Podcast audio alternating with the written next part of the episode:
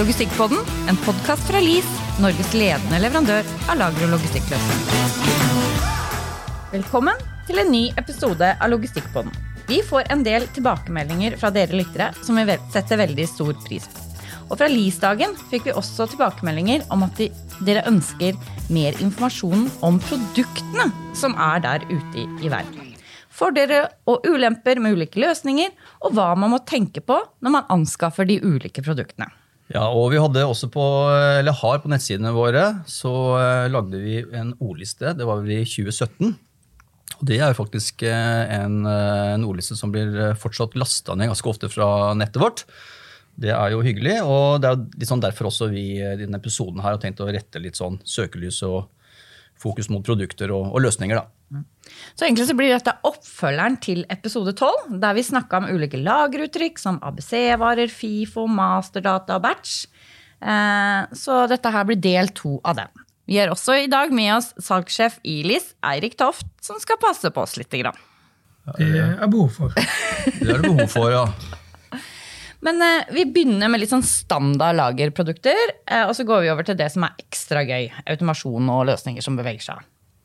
Så hvis vi begynner med liksom grunnmuren i de fleste lagre, pallerjord. Hva er viktig når man skal kjøpe pallerjord, Børge?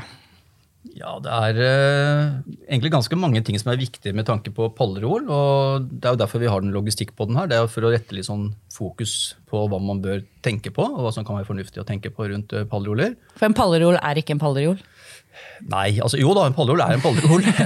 men, men uh, det er klart, og, og liksom, hvor mye vekten skal tåle og mye vekten skal bære, sånt er også veldig viktig at man på en måte ikke underdimensjonerer. eller at man på en måte ja, hvis man får et annet produktmarked eller andre artikler inn etter et, to år, så kan det være litt dumt at man har liksom kjøpt en rol som skal tåle 200 kilos paller, og så går det et halvt år, og så skal den plutselig tåle 600 kilos paller osv. Så, videre. så det er jo noe, noe, viktig å tenke på. Men i utgangspunktet så er det sånn at uh, palleroler er jo en type rol hvor du setter opp et lager som alle har et forhold til. Og veldig mange av kundene våre, de fleste bruker jo da en uh, truck. Uh, og da gjerne det vi kaller en reach truck eller en skymasstruck for å hente ut pallene. Eh, så det er klart at eh, det som er viktig å tenke på da, er at en pallerol krever så og så stor kjøregang, f.eks. Eh, gjerne 3,2 meter, pleier vi å si at du bør ha. Jo større gang, jo mer fleksibilitet i forhold til at sjåførene ikke må kjøre så trangt. Og så er det jo sånn at En pallerol kan jo settes opp på flere måter. Den kan settes opp med f.eks. trangere kjøreganger.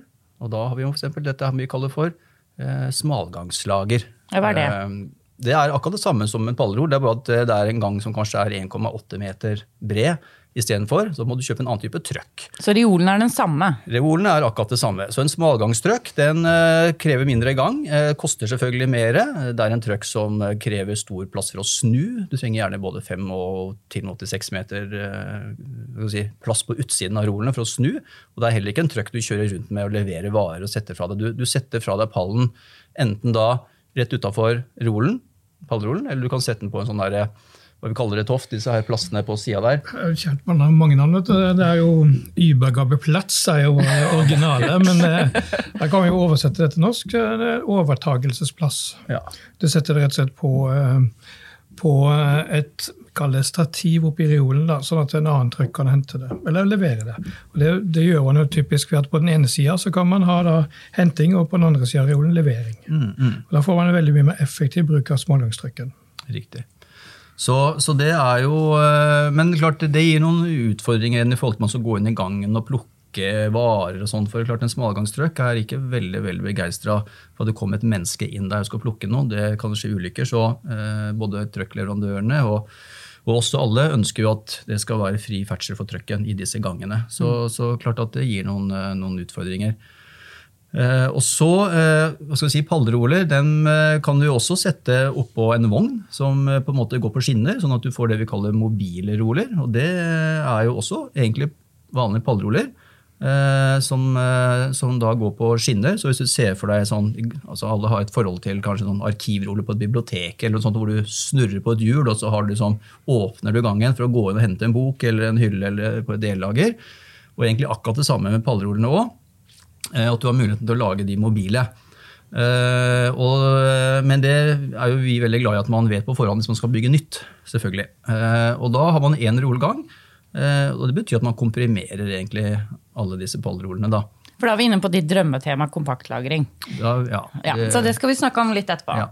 En annen ting som også er viktig å tenke på i forhold til pallroller, er at i en pallroll så er det sånn at du trenger ikke bare å ha paller i en pallroll.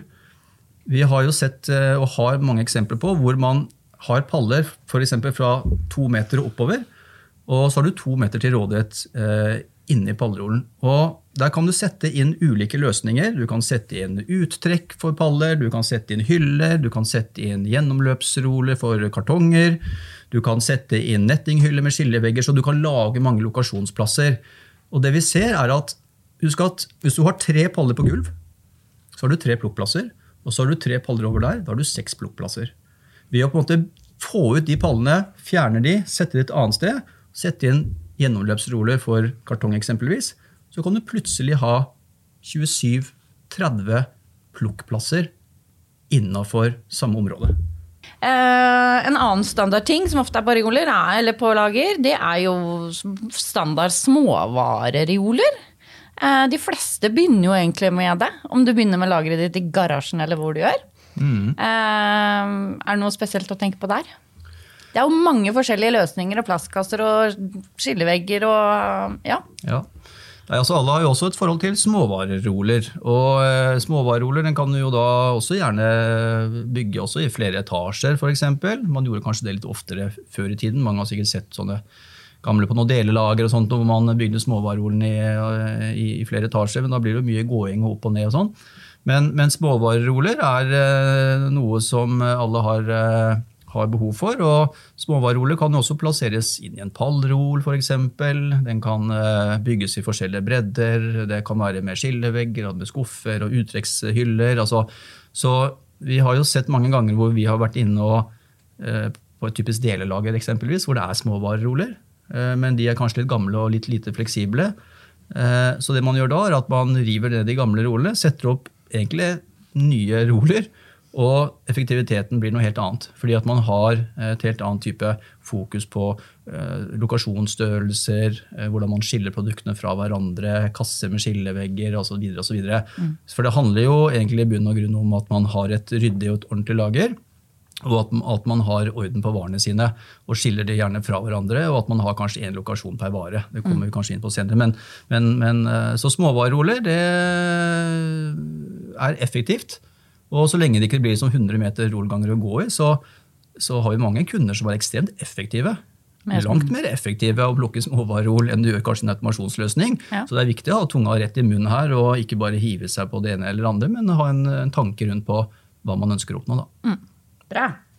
Eh, kanskje spesielt nerdete og for spesielt interesserte, men vi må innom grenreol, pushback, gjennomløp og innstiktsreol.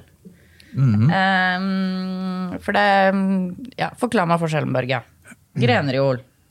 Ja, Grenreol, eh, det er det vi kaller det. Eh, og det er kort forklart en eh, reol som er ment for å lagre langgods eller ukurant gods osv. Alle har jo sikkert forhold til en grenrol man har sett på f.eks. på ja, monter eller optimere, altså hvor man da har en trelastpakke som mm. ligger da på, eh, på eh, ja, sånn, si, ute. da. Ja. Eh, men selvfølgelig, Eller inne. Du, du kan ha rolen både ute og, og inne. Og Da kommer vi jo inn på det med om man skal ha galvanisert eller lakkert osv., men det er en, en, annen sak. Ja, Det er en grenreol. Ja, en, en pushback-reol. Ja, En pushback-reol det er, tar også utgangspunkt i en pallereol. Og en pushback-reol det betyr det at da har du det vi kaller for uh, sånn LIFO-prinsippet. Altså last, first in, last out. Da blir det FIFO, da. Ja, FILO. FILO, sorry. Filo? FIFO er noe annet. Ja, ja. Se, nei, det her lærer vi alle sammen. Ja. Slå opp i ordboka. Ja, slå opp i ordboka. Eh, men, men, det er jo eh, Det man gjør, er at man putter jo da, eller setter inn eh, pallene inn i et, altså en kanal eller et løp med uh, ruller. Det er type stålruller som, som bygges innover. Og man da setter fra seg pallen og, og på en måte kommer da med neste pall, og så dytter man pallen uh, innover. Det er vanskelig å forklare det, Eirik. Hva tenker du? Nei, Hvem er det som bruker det her? Jeg synes du er på god, god, vei. Folk som bruker det, er jo folk som har um, relativt mange paller av hver artikkel. Fordi når du dytter paller innover, la oss si ti i dybden, da, det er litt mye på, på pushback, men la oss bare ta det eksempelet. Så er det slik at um, da bør du ha den samme artikkelen. Du skal ikke hente ut åtte paller for å ta den niende ut. Det er dumt. Så Derfor så dytter man én og én inn, og så tar man ut én og én også. Dette er jo veldig nært knytta til det som kommer neste gang, som er gjennomløp. og Da er det motsatt. Da står man i andre enden, og så får man FIFO. Det at man putter inn på baksida og tar ut på forsida. Og FIFO er jo et sunt prinsipp, men forskjellen på disse to tingene er jo veldig tydelig. fordi at På en gjennomløpsreol med FIFO så trenger du to ganger. En på baksida når du putter inn, og en på forsida når du henter ut. Pushback kan på en annen side stå inntil en vegg. Så veldig mange klarer seg med en pushback-løsning hvis de ikke er ekstremt opphengt og avhengig av å ha FIFO på varene sine. Nå skal det sies at FIFO er fint for det er et bra prinsipp mm. å få ut de eldste varene først. Det liker økonomen. Ja. Ja. økonomen liker det, alle liker det egentlig. Mm. Men en uh, innstikksreol, det er eh, noe man bruker også egentlig bare i sånn trelast. Altså ja. Hvis du skal inn og, hvis du drar innom montere og skal kjøpe deg to, eh, to dragere eller noe plank, så ligger det med en. Eh, som, så det er ikke så mange Ja, det er en innstikksrol, da. Ja. Eh, og så til et tema som blir ofte diskutert på kontoret. Jeg blir like overraska hver gang om entusiasmen rundt dekkrioler.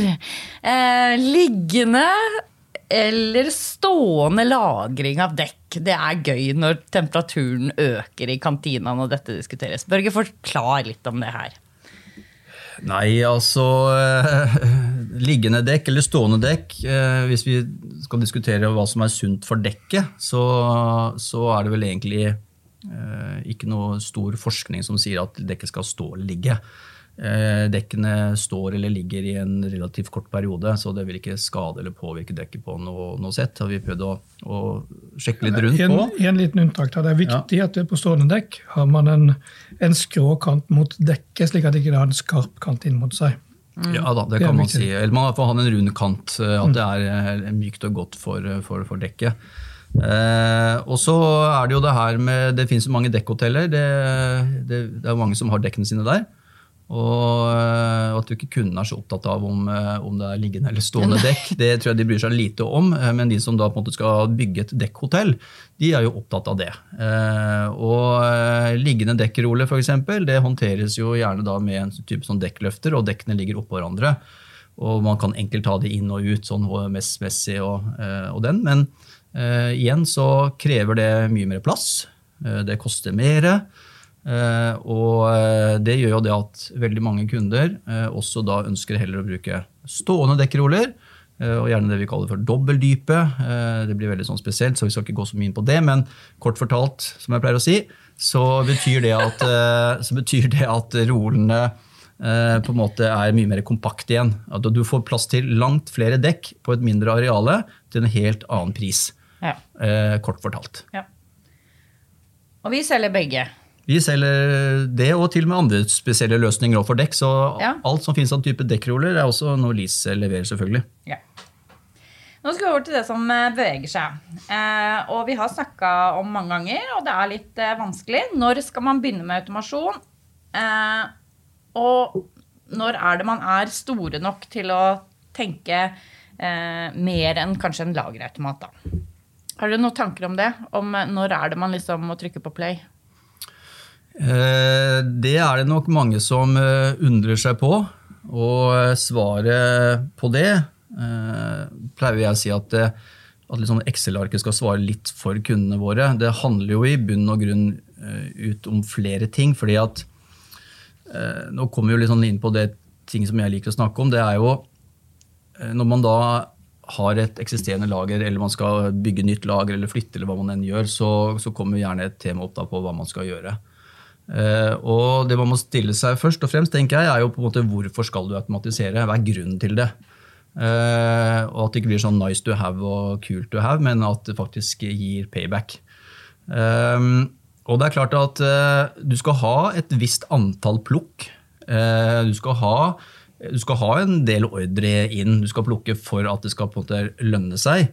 Så det er klart, Har du veldig veldig få ordre, så kunne du bare satt noen paller på gulvet. Så hadde det ingen som hadde slått det. Eh, så du kan jo se for deg at eh, hvis du ikke er så opptatt av byggets størrelse at har, Det har, liksom ingen kost, det betyr ingenting. altså Bygget er gratis. Mm. Og så skal du da sette opp eh, og plukke effektivt. Mm. Og klart Setter du noen paller rett på gulvet og lager noen som plukkesløyfer rundt noen paller, så er jo det ingen som slår, slår det. Men så klart så begynner vi etter hvert å komme opp i veldig større og mange ordre som gjør at man ser at man trenger ganske mange mennesker til å håndtere disse ordrene og plukke disse ordrene. Og, det, og der er det selvfølgelig helt logisk det jeg sier nå, men jeg tenker at flere bedrifter og lager eh, bør gjøre litt større analyser egentlig av de tallene de har inn på lageret, før de, de, setter i gang. For vi vet at eh, vi har mange kunder som plukker både veldig effektivt og mer effektivt enn de som har automatisert, gjennom både småvareroller og pallroller. Og det er klart at uh, Hva er business casen? Så, så, uh, så, um, ja, så det, er, det, er, det, er, mange ting å tenke på. Jeg vet ikke hva du, Erik, Er det noe tilføye? tilføye i forhold til det? Ja, det er, altså, det er jo det er som du sier, helt, helt riktig. Det er viktig å analysere riktig. fordi, og Vi må huske på at man automatiserer egentlig for å klare å håndtere en vekst. Mm. Det er ikke så veldig eh, greit å si vi skal spare penger. Ja, men vi sparer penger ved at vi tar vekst med samme antall ansatte, f.eks. Og dermed så øker man jo lønnsomheten i bedriften, og det er viktig. En annen ting som er viktig, er, og spesielt i dagens situasjon med litt mangel på kvalifiserte medarbeidere, så er det faktisk noen som automatiserer rett og slett for å, for å sikre at de får jobben gjort. Mm. Det, skal vi, det, skal vi, ta med oss. Um, men um, automatisere for å automatisere er jo, som Børge er inne på, eh, sikkert litt kult, men veldig unødvendig. Mm. Eh, det handler egentlig om mer enn automasjon. fordi at hvis man håndterer da, har et godt VMS, så kan man jo faktisk gjøre veldig mye med, med enkle løsninger. Det å plukke multiordre eller batch-ordre, altså flere ordre samtidig, gjør jo at man er mye mer effektiv med en gang. Mm. Og Vi har en kunde som plukker 56 ordre samtidig opp i, i høytløftende plukktrykker, faktisk, som egentlig er ganske tregt. Mm. Men fordi man tar med seg 56 ordre, så blir de ekstremt effektive. Det er kult. Så, det er kult. Og, og, da er det, som Børge sier, det er viktig at man har Excel-arket med og, og, bestemmer hva blir løsningen. Og ikke minst også det her med vekst videre. så er det viktig at man velger en fleksibel løsning som man kan vokse på. Mm.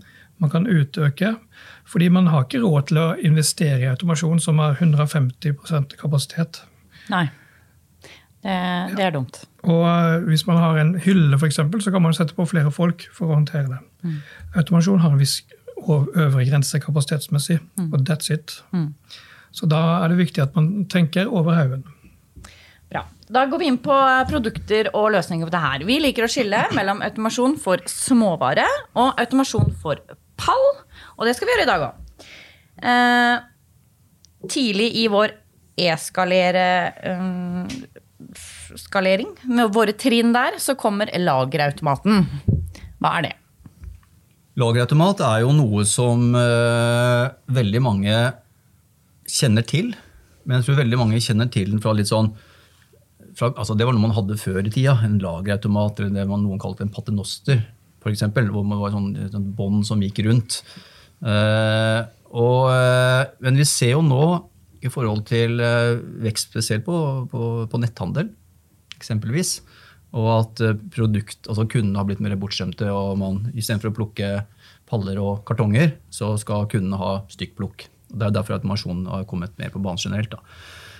Så, så, det er klart at heisautomater det er jo sånn at det er jo en løsning for småvarer eh, som er kompakt. Og vi har mange kunder da, som på en måte har stor takhøyde. Du kan ha 10 meter, 12 meter, altså 8 meter takhøyde. Og det å få utnytta den plassen er jo blitt veldig viktig for veldig mange. Fordi at man vokser og blir trangt på plassen.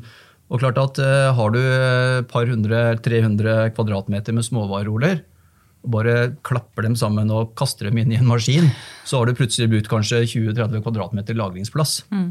Eh, og så har du fått tilgang på de, akkurat de samme varene. Så en heiseautomat eh, er jo en kompakt løsning. Men det er også en løsning som gjør at man kan faktisk plukke ganske mange ordre samtidig, og man kan plukke både effektivt og raskt. Ja, for det har jeg på følelsen at Vi har noen kunder som kjøper én som litt sånn eh, lagring i høyden, utnytter plass. Her har vi ting som vi ikke bruker så veldig ofte.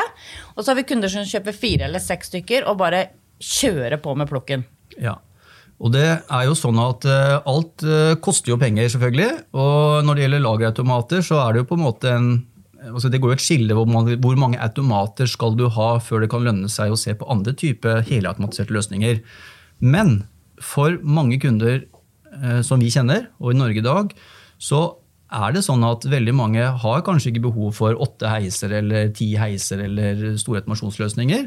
Eh, men de har kanskje behov for et behov til rundt si, fire heisautomater. For å ta et eksempel. Eh, så poenget med heis er jo at på vårt lager f.eks. Listis lager, da har vi én heis. Mm. Alternativet vårt var som følger. Vi kunne ha den heisen, eller vi kunne ha 150 kvm med småvareroller. Eh, vi er kun to på lageret som jobber der, så det er ikke noe kø foran heisen. og eneste grunn til at vi har en heis, det er fordi at vi ønsker komprimert plass. Veldig så den er veldig fin å ha der. Og fin å ha. Den er, ikke, den, er, eh, den er, ikke, ekstremt effektiv, for du må jo stå og vente på brettene for du trykker på en knapp. for å si det sånn, eller det, Har du VMS og gjør det her automatisk, så tar det jo liksom fort en 20 sekunder før hylla kommer ned, eller kan, det kan være 40 sekunder på en sånn dobbeltsyklus. Men hvis vi har kunder som på en måte, hvor én heis blir for lite, og du kommer opp la oss si fire lagerautomater, da er det jo sånn at da er det jo altså Du må ikke vente på heisen eller vente på at hylla skal plukkes. Du kan gå og plukke ganske så effektivt. Mm. Og du kan ha, altså Det varierer jo selvfølgelig. Du kan ha 200 plukk, du kan ha 300 plukk altså i, i timen. Så klart at antall ordre du får ut av dette her, er jo jeg tror jeg veldig mange som egentlig ikke forstår hvor effektivt og kost-nytte det kan være. Det er uh, riktig. Uh, når Børge snakker om det, så er det viktig at man har et styringssystem som styrer der. Ja, må man ha VMS for LIS for å kjøpe en lagerreform? Man må nødvendigvis ikke ha et VMS for LIS, man kan ha VMS for andre. Mm. Og som LIS går inn med sin driver, finne driver og snakker fint med de VMS-ene. Vi har mange kunder som har andre løsninger som vi har levert lagerautomater til. Mm. Så det går fint. Mm. Men en styringsverktøy bør man ha fordi at man skal plukke den ene heisen mens de andre finner fram det man skal neste gang. Mm. Og på den måten så blir det sånn at heisene venter på operatøren, ikke omvendt. Og det føles som ikke annet bedre, og det er jo mer effektivt. Mm. Sånn, sånn, er det jo. Mm. Så bra. Men vi skal, vi skal, si en ting til. Ja.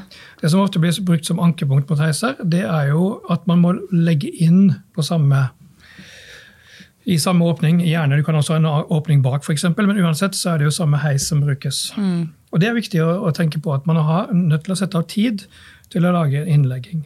Men så er det også viktig at man gjør det så effektivt som mulig. og Det betyr at man kan forberede denne innleggingen på et varemottak et helt annet sted i rommet. F.eks. en vogn. For eksempel, lade den ferdig, og så når plukket er ferdig, så er det time-out. Nå skal vi legge inn. Og så gjør man det mm, i en batch, dvs. Si multisak. Uh, dvs. Si at man har på forhånd definert hvor alt skal, og hvor mange som skal i hva. Får bare beskjed av systemet ta boks A, legg det i hylle 13 B2. Mm. Og så gjør man det. og da, og da, får man et veldig effektivt innlegg også, på samme måte som plukk.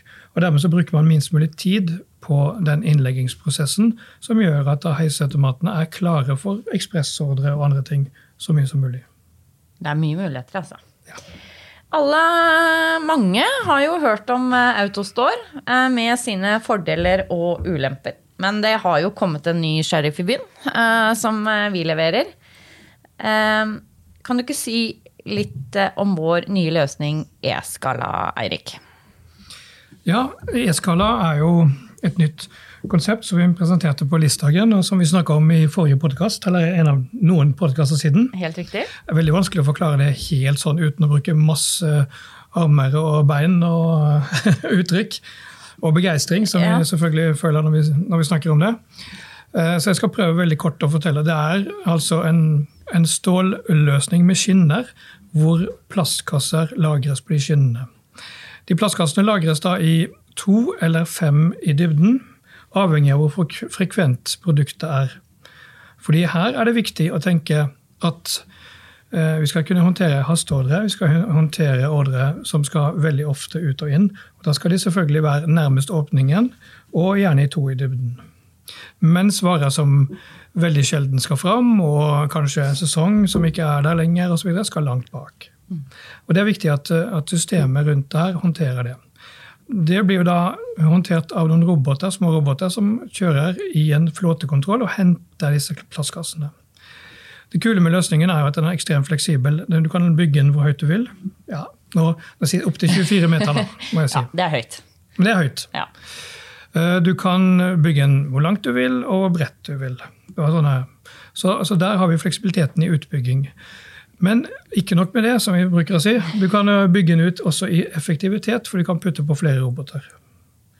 Så du kan ha en liten løsning med fem roboter som du rusler rundt med langs 100 linjer i timen. da, og plukker det, Og plutselig så eksploderer det. Du blir kjempepoppis, og du er nødt til å ha en større effektivitet på lageret ditt. Ja, Da putter du på masse roboter.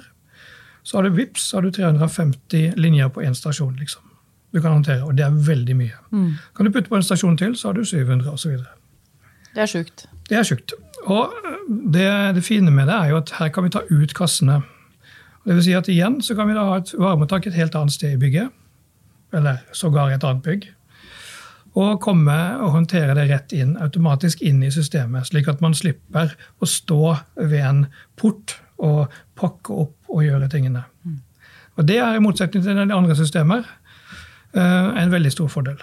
En annen fordel som er med E-skala, som igjen er med fleksibilitet, det er at du, ja, du har 60-40 kasser, eller 65 ganger 45, som gjerne er veldig populært nå. Um, men du kan altså ha de kassene med flere oppå hverandre i forskjellige høyder. Så kan du også dele inn i kassene, så du får ekstremt mange rom i hver, hver kasse. Mm. Og for at det, brukeren skal vite hvor han skal plukke, så fins det en sånn liten heis inni der som, hent, som løfter av de kassene hvis du skal ha det nederste, f.eks. Mm. Slik at du alltid presenterer ut det i åpningen, det du skal plukke fra. Så fleksibiliteten her, du kan ha kasser ut, du kan bygge hvor høyt du vil, hvor bredt du vil, hvor dypt du vil. Du kan ha ekstremt mange mål på kassene, produktene der inne. Og du kan i tillegg sekvensiere godset. Dvs. Si at du, hvis du vil ønske å plukke en viss rekkefølge, og det er viktig å tenke på man, Hvis man ser på dagligvarer, f.eks., plukker jo ikke egg først og så legger hermetikk oppå. Det går dårlig. Og så også med småvarer. At man kan sekvensiere godset det kommer ut. Og det vil da styringssystemet gjøre da, på forhånd. Eh, litt sånn for å enkle og, og for å gjøre løsningen litt mindre kostbar, så er det faktisk som en parkeringshusløsning foran. De robotene går opp og ned på noen skinner i front av løsningen. Så de rett og slett eh, bytter etasjer ved å kjøre opp og ned. De kjører to veier. Mm. Du har vært og sett denne løsningen i real life. Ja, Hva tenkte du da? Nei, Jeg ble jo begeistra. Det er vel eh, pent sagt. Ja, ja. Så det er jo, og det er jo fordi at jeg ser så veldig mange av de tingene jeg alltid har stilt meg spørsmål ved andre løsninger. Mm. Jeg ser veldig mange mangler som du har fylt opp. Du har så mange muligheter på plukkstasjonene. De kan bygges veldig enkelt utover. Veldig langt. Du kan lage en U, og du kan lage kitte, f.eks. Altså, kitte betyr altså samle masse produkter. da. Det er en del produksjonsbedrifter som, som bruker det. Dvs. Si at de samler masse eh, enkeltstående produkter inni et kit, altså et, et struktur, da, mm. som de seinere skal plukke. Mm. Så da kan man veldig lett gjøre det i en e-skalaløsning. Da har vi dekka hovedlinjen i småramvareautomasjon, har vi ikke det? Som eh, vi eh, har fokus på. Så skal vi endelig, Børge, gå over til en av dine andre fanesaker. Automasjon for pall. Ja, automasjon eh, for pall er jo litt på samme måte som all annen automasjon. Det skal ikke være sånn kult å ha. Du må jo ha nok paller til å håndtere nok paller for å tenke automasjon. Uh, og uh, i dag så er det sånn at uh, Sånn har det jo vært, vært egentlig i alle år. er jo All type automasjon er jo veldig glad i det vi kaller for standard europall. altså Alle har et forhold til det. En vanlig pall. en vanlig pall. fordi at når man skal automatisere, så setter det jo også en del si, helt andre krav i forhold til kvalitet på pallen. og Det som settes og lages også opp på pallene. Det er veldig viktig å tenke seg. Så det er ikke bare å hive seg på karusellen, og så stropper du noen paller. og det henger og slenger litt over, og det fliser flise opp noen paller og sånt, det går veldig veldig dårlig. Så det er en del eh, tiltak, det er en del kost knytta til dette her eh, for å kvalitetssikre pallene. Så, så, det er ikke gjort i en håndvending. Men, men eh, dumt spørsmål, kan man ikke bruke plast eller stålpall eller noe sånt da? Ja, du kan si at du har også NLP-paller, eksempelvis, som veldig mange bruker, spesielt i næringsmiddelindustrien. Så og det er? Er det er plastpaller. Det er plastpaller. Ja. ja. og plastpallene hva skal si, har jo sine fordeler og ulemper. Og, og det er klart at en plastball den er ganske Si, den er laget av plast, så den er litt sånn mykere. Eh, og det gjør at eh, noen løsninger får, får, eh, får, kan ha problemer. Men på automasjon, sånn type kranlager og sånt, Erik, så tenker jeg at, ja, ja, går det fint. at, at NLP-pallene går, går, fint. Men, men, det er jo, altså, en ting er pallen, men det er på en måte også som, kvaliteten på det som står oppå den pallen, er også viktig. Men når det gjelder paller, så tror jo jeg personlig, uten at jeg har gjort veldig mye analyse på det, men eh, med har snakket litt med litt diverse, så, så, krever jo kundene mer og mer at ting og tang er på lager. At man trenger varene på lager. Og jeg tror jo at man vil se kanskje en endring på at det er en del kunder i hvert fall, som kjøper inn større partier med varer. Eh, litt sånn på leveringsproblemer fra Asia osv. At man, at man eh, har faktisk et, et, et, større behov for å lagre helpaller. Mm. Eh, og det er jo da man begynner å se på dette her som, som disse automasjonsløsningene kan være fornuftig å tenke på.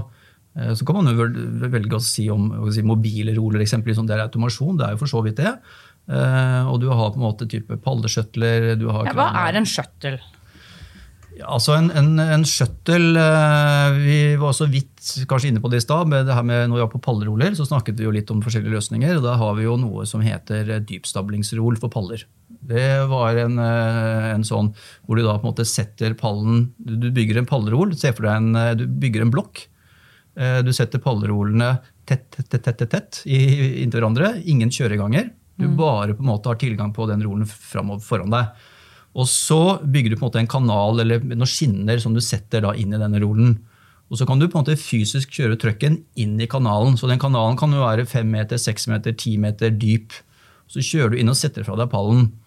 Uh, og det er klart at Dette her uh, krever jo uh, veldig mye. Man må kjøre inn med pallen, mye skader. Det er som Lego-klossesystem. Skal du ha ut den pallen, så må du først ta ut de pallene. Altså, det er veldig sånn, si, virvar. Det er en løsning som passer bra. for Har du en produksjon og får ut 50 paller, mm. inn i rolen neste morgen, ut igjen, så, så passer den fint. så en shuttle det betyr at du har i utgangspunktet en dypstablingsrol, egentlig akkurat samme løsningen, men da har du en shuttle som du da Eh, du, du har kommet med trucken, og så løfter du på en måte opp en Se for deg en sånn herre en robotstøvsuger, da, men det er jo ikke en, en, en robotstøvsuger. Det, eh, en, det ser ut som en, pall, da, en robotpall. Eh, som på en måte blinker og smiler og tuter litt. og sånn. Du setter den på gaflene, og så tar du da og setter denne shutteren inn i et løp på en skinne. Og Så kan du da sette paller oppå den, og så er det shutteren som frakter da pallen innover i systemet. Inn og opp, eller? Nei, bare innover. Bare innover. Kun innover. Du setter ja. den inn i et løp, og så, og så, sånn, og så skal du fylle løpet som er over. Mm. Da må du fysisk ta uh, trøkken, løfte ut skjøtteren, og så må du sette skjøtteren opp da, i neste kanal. Så du flytter denne skjøtteren rundt fysisk. Sånn, nå skjønner jeg, Men hvem passer dette for? Er det liksom, som du var inne på produksjonsbedrifter? For det, det her virka jo det passer, eh, det passer, som Eirik var inne på litt i sted. Det er jo det at hvis du har relativt hva skal jeg si, eh, mange paller av samme artikkel ja. Så hvis du får inn f.eks. Eh, altså, det trenger ikke å være altså Hvis du har en del artikler hvor du har kanskje fire-fem paller av samme artikkel, mm. så, eller ti paller av samme artikkel, og du i tillegg da hva skal jeg si, ønsker å på en måte bulkstable, som vi kaller det, så, det, så det blir på en måte en bulkstabling. Mm. Og, og, og, da kan det passe. Hvis jeg produserer Coca-Cola, masse paller med Coca-Cola Det er ikke bare Coca-Cola. Vi har mange, mange, eksempler på kunder som har langt færre paller i omløp enn Coca-Cola som det kan passe for. Og Du kan da på samme måte åpne foran og bak, sånn at du kan eh, du kan ha FIFO-prinsippet her også, hvis mm. du ønsker det. Det er viktig å tenke at um, cola er et godt, godt eksempel, som du sier.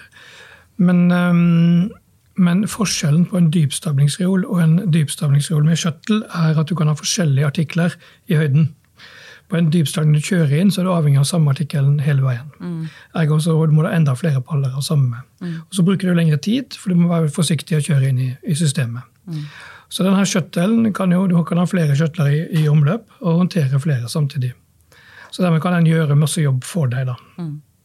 Så Det er den store forskjellen på det. Disse løsningene ligner veldig mye på pushback og gjennomløp. Og Pushback og gjennomløp er jo en annen. Det trenger du ikke noe shuttle uten, og da bruker du rullene som gjør jobben. Ja. Men der har vi ofte en litt høyere pallplasspris, for det er veldig mye mer stål. Og så er det en stor forskjell. Ehm, pallen er det vi kaller langsidehåndtert på en, ehm, på en eh, Det Dvs. Si at du er inne på langside på 1,20 sida. Og av og til så må du da sette fra deg pallen og snu, sånn at du tar den på kortsida. Og det er en ekstra operasjon, det skal vi huske på. Mm. I, en, eh, I, en, pushback og en gjennomløpsløsning så er den kortsidehåndtert. Mm. Dvs. Si kortsida kommer fram. Men produktet vi har her, er det Atlas 2D? Nei, vi snakker her om Atlas, eller Shuttle 1D. Shuttle 1D. Atlas 2D er enda kulere, for den hva, gjør mye mer. Hva gjør den, da? Nei, den håndterer jo akkurat som E-skala. Den har jo en robot som da er en shuttle, men for pall, som går to veier. Den går både innover og til side. Ah. Så det gjør at den kan jo håndtere Og den kan i tillegg uh, pent vandre inn i en heis for eksempel, og skifte nivå, som du var inne på. Mm. Ergo så har du en stor kube som kan helt fritt jobbe for seg sjøl. Du bare putter inn pallen i en ende, i en port f.eks., og så henter det her eh, systemet og setter det opp i høyder osv. Så, videre. så da får du nesten et type høylager. Det kan du også bygge opp i 24 meter. Det er fancy. Men hva er forskjellen på det og et kranlager? Forskjellen på det og et kranlager er et kranlager så er det en pallhåndtering der det vanlige pallruller mer eller mindre veldig kraftige som står, og den kranen i midten som håndterer det. Det er opp til dobbel deep, som det kalles. Du kan ha enkel uh, deep også, hvis du har veldig høy hastighet. Har, en, har behov for høy hastighet, så har du enkel deep. Men uh, normalt er det dobbeltdypt, deep, dvs. Si to paller i dybden. Så det er lange gafler på kranen som henter ut. Så da er det maks to paller i dybden. På en Atlas 2D-løsning kan du ha 10, kanskje 15 paller i dybden. Så forskjellen ligger igjen på det her med at har du mange uh, paller av hver artikkel, så kan en Atlas 2D være en mye bedre løsning enn en kranlager. Mm. Det kan også være en løsning som er mer fleksibel, for du kan også bruke det som, for som en forberedelse til last. Du kan stille opp uh, til last f.eks. om tre timer så skal det her ut i en lastebil. Du har ikke plass på, på avgangen eh, din, du må legge det inn der. Og så mate det ut i sekvens, sånn at du får det riktig inn på lastebilen. Så det, du kan bruke det til veldig mange løsninger. Mm. Så det er et alternativ til kranlager. Og um, igjen så har du fleksibiliteten med at du putter på flere skjøtler etter hvert som du trenger kapasitet. Ikke sant. Du kan jo, altså, jo, altså alle, eller Mange sånne type automasjonsløsninger kan du bruke på som Eirik sier, på flere måter. og og det er klart at eh, Hvis du ikke har ekstremt mye, da, men hvis du også har plukk, altså du plukker rett fra pall, og når du først skal plukke fra pall, så kan du kanskje plukke du får bare rette på meg på det, men du skal plukke ti kartonger eller fem kartonger, eller hva det er, så, så har du én, to eller tre heiser i en sånn type 2D-skjøttel. Så klart så kan den skjøtteren hente fram pallen. Så kan du komme fram, og så kan du plukke ut de kartongene du ønsker, og så kjører den da, for da pallen tilbake igjen og henter en ny pall. Så, så, det blir jo eh, istedenfor en eh, sånn plukk for småvare, så kan man jo i, i, eh, i praksis også bruke en sånn type løsning til plukk. Mm. Men klart at nok en gang, det handler jo om hvor mange paller du skal ha ut i timen, hvor mye du skal plukke osv. Men det, sånne, sånne typer løsninger er veldig spennende, fordi de, de, gir mange muligheter. Da. Ja, og Vi skal ikke glemme at et tradisjonelt høylager, kranlager, da, det, der har du x antall tusen paller i en gang. Og Hvis denne kranen skulle stoppe av en eller annen grunn, og det gjør den. Mm. Innimellom, men med veldig korte stopp. Og selvfølgelig ikke noe stort problem, men da, da har du en redundans ved et, et Atlas 2D-anlegg, hvor du rett og slett kan bare ta ut den skjøttelen som stopper, mm. og så hive den en ny. Ja, ikke sant? Så har du på en måte allikevel en oppegående løsning. Mm. Og en, et, et høylager, kranlager, har en viss hastighet. på De går type 25-30 dobbeltsykluser eh, i timen. That's it. Så skal du ha 100 paller ut, så må du ha fire graner. Eller fire ganger, da. Mens du i en Atlas 2D-løsning kan putte på ganske mange ekstra kjøttler og få en bedre kapasitet. Mm. Så, så, du har en større fleksibilitet i å påvirke både eh, kapasitet i, i form av fart, men også i, på samme måte som, som E-skala kan det bygges ut både i bredden, høyden og dybden. Eh, det er eh, nydelig. Nå får dere virkelig nerda, dere lyttere. For nå, det er dette dere har spurt om. Løsninger, kapasitet og hva er det som er der ute. Før vi runder av, eh, så kommer vi ikke utenom spørsmål vi får rundt bygging av nytt lager. Hva kommer først, høna eller egget? Altså bygget eller lagerløsningen layout? Jeg vet hva dere drømmer om, men eh, noen råd der ute. Hva skjer? Altså Det jeg har lyst til å si, er også liksom min fanesak, dette her. Det er sikkert mange som vet det, som har kanskje hørt meg prate om dette i timevis før. Men eh, som jeg pleier å si, kort fortalt, blir kanskje ikke så kort denne gangen, men eh, når man skal i gang med å bygge et bygg, så er det jo sånn at nå har vi i den podkasten her snakket om litt forskjellige typer løsninger. Og når man skal gå i gang med å bygge for et nytt lager, så har man jo alle verdens mulighet til å tenke litt nytt.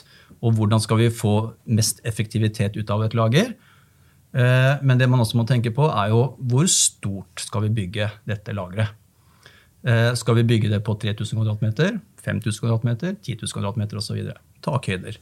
Og det er klart at Hva er det som definerer behovet og størrelsen på et lager? Jo, det er jo hva du skal putte inn i det lageret. Så det er klart at eh, Hvis du da skal ha palleroler inn på det lageret, så vet du hvor mye plass et pallerol tar. Eh, hvis du skal ha inn en lagerautomat eller en shuttle-løsning, eller en så vet du i utgangspunktet hvor mye plass du trenger. Da. Men det vi opplever gang på gang, er det at når vi kommer på banen, gjerne etter at både tomt og bygg alt er landa, og man har til og med, til og med satt opp bygget, så setter man seg ned og begynner å tenke på ja, vi må finne noen kule, og smarte og effektive løsninger. Og Så viser det seg f.eks. at den kunden vi har snakka om, eh, finner ut at nei, vet du hva, mobile pallroller det passer jo perfekt til 20% av våre palleprodukter. Men eh, hadde man visst om det på forhånd, så kunne vi ha sagt at ja, men vet du hva, da kan vi jo spare kunden vår for kanskje 1000 kvadratmeter lagerbygg. Og hva koster det å bygge? Det koster en del penger. Så, så, så, det det handler om, det er jo at når man skal bygge et kjøkken eller du skal bygge en hytte, eller hva du skal bygge, så, så vil du på en måte sette på plass inventaret og løsningene. Og det gir deg jo svaret på hvor stort det skal være. Eh, så derfor mener jo jeg helt klart at bygget Først kommer lageret, og så skal man bygge da rundt det. Mm. Um, og så tror jeg det er viktig å si også at det her med hvilke løsninger skal man velge. Det det handler om, det er jo det produktet du sitter med foran deg. Om det er en, en uh, pall med Coca-Cola, eller om det er uh, noen svømmeknapper, eller om det er noen svømmebriller, eller om det er noen skruer eller muttere, så handler det jo om å finne riktig, riktig lagringsprodukt til riktig vare i forhold til frekvensen på varen, altså hvor fort du plukker og dette her. Så det, det vi ser, det er jo at Veldig mange har i dag ett produkt på et lager. De har pallerol eller småvare, eller de har en skjøttelløsning eller noe annet. Men si 100%, du har 100% paller. Så er det jo ikke sånn at 100% av de pallene skal inn i pallerol. Fordi at kanskje 40% av de pallene, for noen, det er jo de kjøper, Vi har jo kunder som kanskje kjøper inn da La oss si eksempelvis eh, Jeg vet ikke om jeg kan komme med eksempler her, men la oss si at hvis du har Princess, da, så kjøper de kanskje inn masse laken eller de kjøper inn en stor stor parti fra Asia. Og Hvis de da skulle bygd et nytt lager, og bygge nytt lager, så tenker man jo kanskje at vet du hva, disse pallene skal jo ikke vi inn og ut og hente hver, hvert minutt, hvert sekund. De står der kanskje i altså en uke eller to eller en måned. Og det er klart at Hvis du da kan ta 40 av varene dine og putte inn en kompaktløsning, så, så er jo det viktig. Godt, godt, eksempel med Prinsess. fordi i disse dager, eller om 14 dager, så begynner badehåndklærne å komme inn. Nå har jo jeg vært uh, ute og reist dagen Under, nettopp, så der var det badehåndklær. Men ja. uh, det er det ikke her. Nei. Definitivt når vi kommer hjem igjen. Så, um, men badehåndklærne er like forbanna, de kommer inn nå. Mm. De kan ikke ut på plukkplass med en gang, så Prinsess gjør det at de, da har de en mobil blokk, mobile reoler, hvor de putter inn uh, hele sulamitten av badehåndklær. Mm. Rett og slett. Og når eh, kalenderen begynner å tikke mot slutten av april, begynnelsen av mai, da begynner disse badehåndklærne sakte, men sikkert å sive ut på plukkplassene. Mm. Så det er et godt eksempel faktisk på hvordan man kan bruke ulike løsninger for å, å utnytte logistikken. Og dermed så er det hele verdikjeden som er i, i bruk. For at du trenger ikke badehåndklærne i august. de må være inne tidlig. Ja. Så, så, tror jeg også det er viktig å si at veldig mange av, eh, av, av kundene der ute som har lager, har ikke 15 20 30 000 kvadratmeter lager. Det er uh, veldig mange mindre bedrifter. Mm. Og det er klart at uh, Hvis du er en bedrift som skal sette opp et lager, og du da i tillegg kanskje har veldig mye kanskje ikke så mye palme, du har mye små, småvarer, så er det klart det at uh, skal du da bygge et nytt lager, og så viser det seg at ved eksempelvis da, hvis det er lagerheiser, lagerautomater, at du da kan stjele 20 kvadratmeter plass, mm. eller si 40 kvadratmeter plass. Så du trenger et fotavtrykk på 40 kvadratmeter for å lagre nettopp alle disse produktene som du tidligere kanskje brukte flere hundre kvadratmeter på. Mm. Og det her bør jo lande før du tegner bygget, mm. så du vet at, hvilken plass du trenger. Så, så, eh, og, og, dette her med automasjon det, altså nok en gang, det handler om å finne rett løsning. Og snakk med noen som kan dette her. Eh, gjør litt analyser kanskje av tallene, få inn noen som er gode på det. Og så, så ender man opp med noe man har troen på. Som er eh, riktig også utrettet fra Excel-arket ditt. Ja. Da tenker jeg egentlig jeg runder av med at eh, skal du bygge nytt lager, eh, ta kontakt med oss eh, før du har bestemt eh, hele bygget.